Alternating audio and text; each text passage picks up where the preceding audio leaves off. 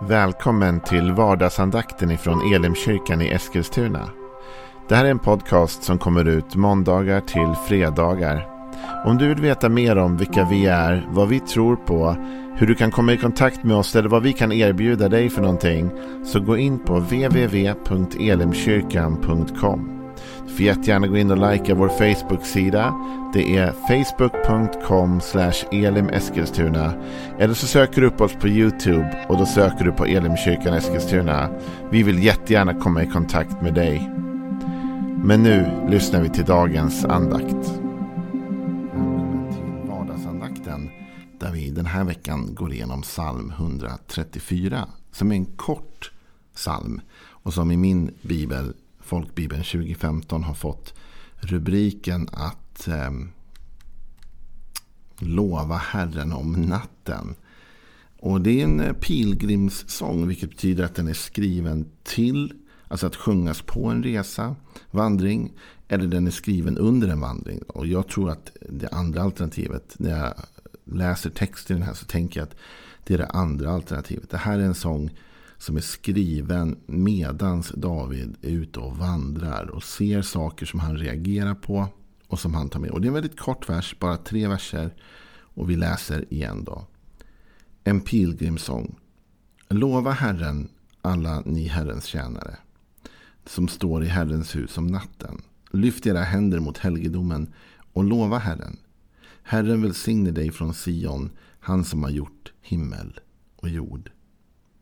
Vi har talat ett par dagar om den här versen att vi ska lova Herren om eh, alla, alla tjänare som står i hans hus om natten. Men idag så vill jag fokusera på vers 2 där. Som har med Herrens hus att göra också. Lyft era händer mot helgedomen och lova Herren. Jag tänker knyta ihop hela säcken lite grann. För det känns som att det här är en vandringssång skriven om natten. Eftersom det är det som det reageras på, eller hur? Lova Herren alla ni Herrens tjänare som står i Herrens hus om natten. Så jag tänker mig att här har David varit ute på natten. Han ser någonting som han reagerar på. Han skriver den här sången utifrån det. På natten, när det är mörkt, när det är tungt. Natten kan symbolisera så många olika saker. Så säger han, lyft era händer mot helgedomen och lova Herren. Jag tillhör dem som visserligen är karismatiker. Jag är väldigt mycket av en karismatiker. Men jag tillhör de karismatiker som ändå gärna ger faktiskt själva byggnaden ett visst värde. Det finns en del som tycker att det spelar ingen roll. Guds kyrka är inte byggnaden, det är inte väggarna, det är inte det där. Det är liksom, det är Guds, vi är Guds församling. Och det är ju sant ur ett teologiskt perspektiv. I det nya förbundet så är du och jag som har tagit emot Jesus och fått den helige ande som gåva. Vi är nu templet. Men det innebär inte att själva byggnaden, helgedomen, är oviktig. Och vet du, redan i gamla testamentet så visste man om att det var egentligen inte så att Gud bodde i den där byggnaden. Men den symboliserade någonting. Jag bor i Eskilstuna där jag också är pastor. Då. När man åker in i Eskilstuna och åker igenom Eskilstuna så går det inte att missa eh, Klosterkyrka. En jättestor kyrka mitt i stan. Eh, som liksom tar upp mycket yta och är hög, du vet, som de här gamla kyrkorna är. Och eh, den syns direkt. Och det är ingen tvekan om vad det är. Man ser att det där är en kyrka. Och man kan se den från långt håll så det går att navigera sig efter den. Vet du, ibland tror jag att helgedomen är lite så. Som ett fyrskepp som lyser i natten och visar båtarna vart de kan och ska åka och så vidare. Något att navigera sig efter va. Så är det också helgedomen det. Det är en plats som ändå hjälper oss att navigera. Gud bor inte i Elimkyrkan där jag jobbar. Men det är ändå en plats dit vi navigerar oss. Det är platsen dit vi går. Vi går dit med våra, våra böner, vi går dit för att tillbe, vi går dit med våra funderingar, vi går dit för att växa i vår tro. Vi går dit för att mötas tillsammans som bröder och systrar i Herren. Det är en plats som vi ändå har valt att här, här vill vi mötas. Och här vill vi söka Gud tillsammans. Lite grann som ett fyrskepp som liksom kallar in eh, skeppen då i hamn. Lyft era händer mot helgedomen. När jag tänker på det och symbolvärdet av en byggnad. Då tänker jag ofta på första kungaboken 8. När Samuel inviger templet. Och det här är ju ett tempel som hans pappa David började bygga. Och Salomo tog över arbetet. David fick inte fullgöra det. Men Salomo blir den som får vara med och bygga klart templet. Och sen också vara med och inviga templet. Och det, när det sker så ber Salomo en bön. En lång bön. Och den bönen ger väldigt mycket insikt i om hur Salomo såg på templet. Och hur troligtvis också hans far David hade sett på templet. Och jag tänkte läsa delar av den här bönen nu. Vi läser från första kungaboken 8 och vers 27. Men kan verkligen Gud bo på jorden? Se himlarna och himlarnas himmel rymmer dig inte. Hur mycket mindre då det hus som jag har byggt. Men vänd dig ändå till din tjänares bön och åkallan. Herre min Gud, så att du hör det rop och den bön som din tjänare idag sänder upp till dig. Låt dina ögon natt och dag vara öppna mot detta hus. Mot den plats om vilken du har sagt mitt namn ska vara där. Så att du hör den bön som din tjänare ber när han vänder sig mot denna plats. Jag hör din tjänares bön och ditt folk Israels bön när de vänder sig mot denna plats. Hör den på platsen där du bor i himmelen. Och när du hör må du förlåta. Om någon syndar mot sin nästa och man ger honom en ed att svära och han kommer och svär eden inför ditt altare i detta hus. Hör det då i himmelen och utför ditt verk och skaffa din tjänare rätt. Förklara den, o, den skyldige skyldig och låt hans gärningar komma över hans huvud. Men förklara den rättfärdige rättfärdig och låt honom få efter sin rättfärdighet. Om ditt folk Israel blir slaget inför en fiende för att de har syndat mot dig men de vänder om till dig och prisar ditt namn och ber och ropar till dig om nåd i detta hus. Hör det då i himmelen och förlåt ditt folk Israels synd och låt dem komma tillbaka till det land som du har gett deras fäder. Om himlen stängs och regnet uteblir för att de har syndat mot dig, men ber vända mot denna plats och prisa ditt namn och vänder om från sin synd eftersom du har ödmjukat dem. Hör då i himmelen och förlåt din tjänare och ditt folk Israels synd och lär dem den goda vägen de ska vandra. Låt det också regna över ditt land som du har gett ditt folk till arvedel. Och så fortsätter det med att om det blir svält i landet så ska de kunna vända sig till huset och be och då ska det hända saker. Så där fortsätter det och bönen håller på ett tag till. Det fascinerande är att för det första så stämmer Salomo in i den här kritiken som en del kommer med när man börjar tala om templet eller byggnaden. Han säger, inte bor väl Gud i en byggnad? Nej, det gör han inte.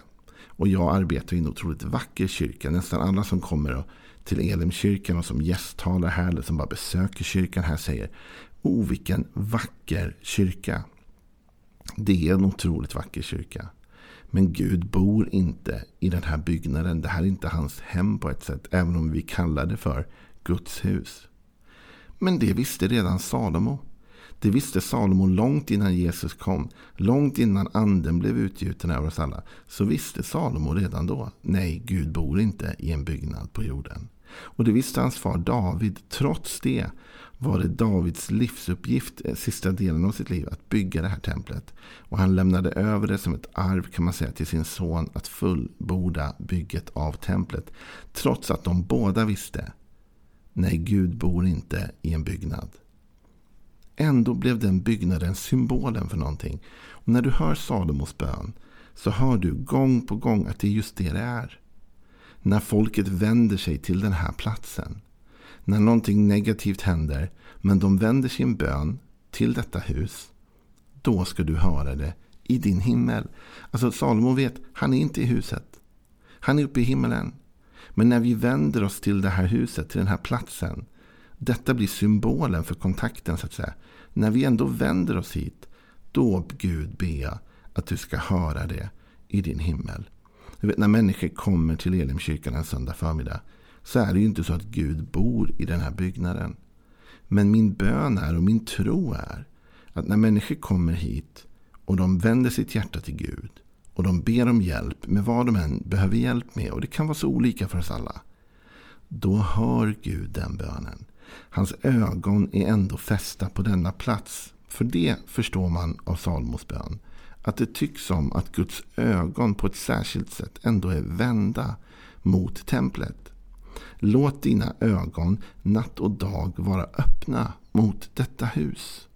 Mot den plats om vilken du har sagt mitt namn ska vara där. Så Gud svär sig på något sätt till templet. Och han säger att Salomo ber att hans ögon ska vara öppna hela tiden mot detta tempel.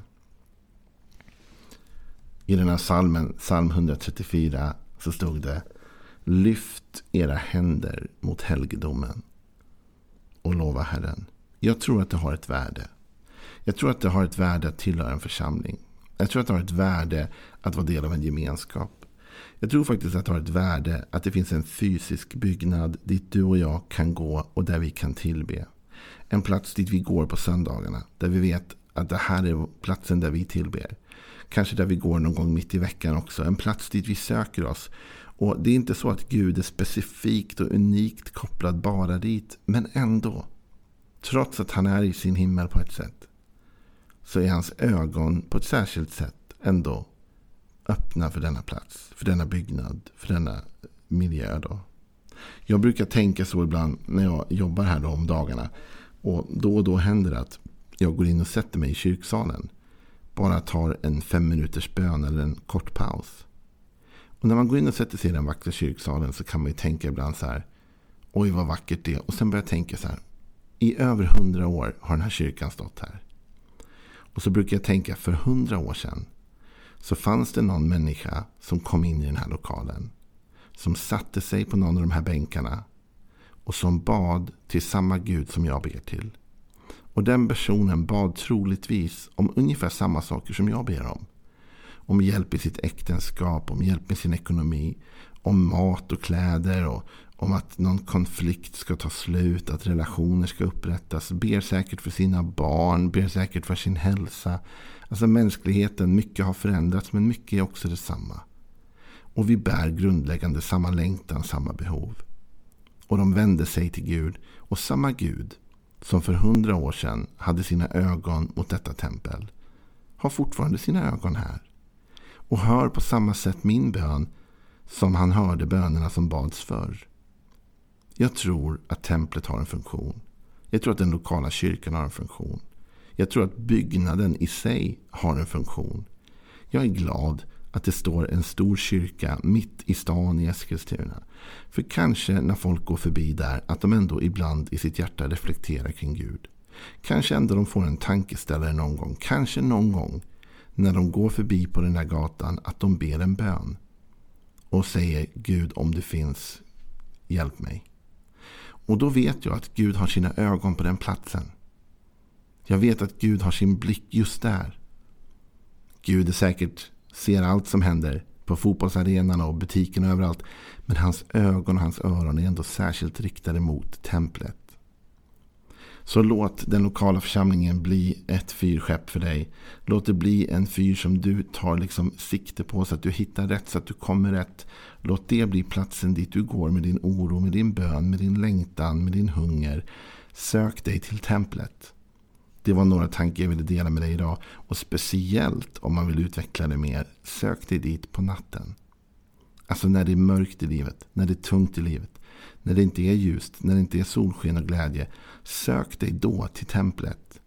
För där finner du ljus. Och där finner du hopp. Och där finner du Gud själv. Ha en välsignad dag så fortsätter vi med mer tankar från psalm 134 imorgon. Hej då.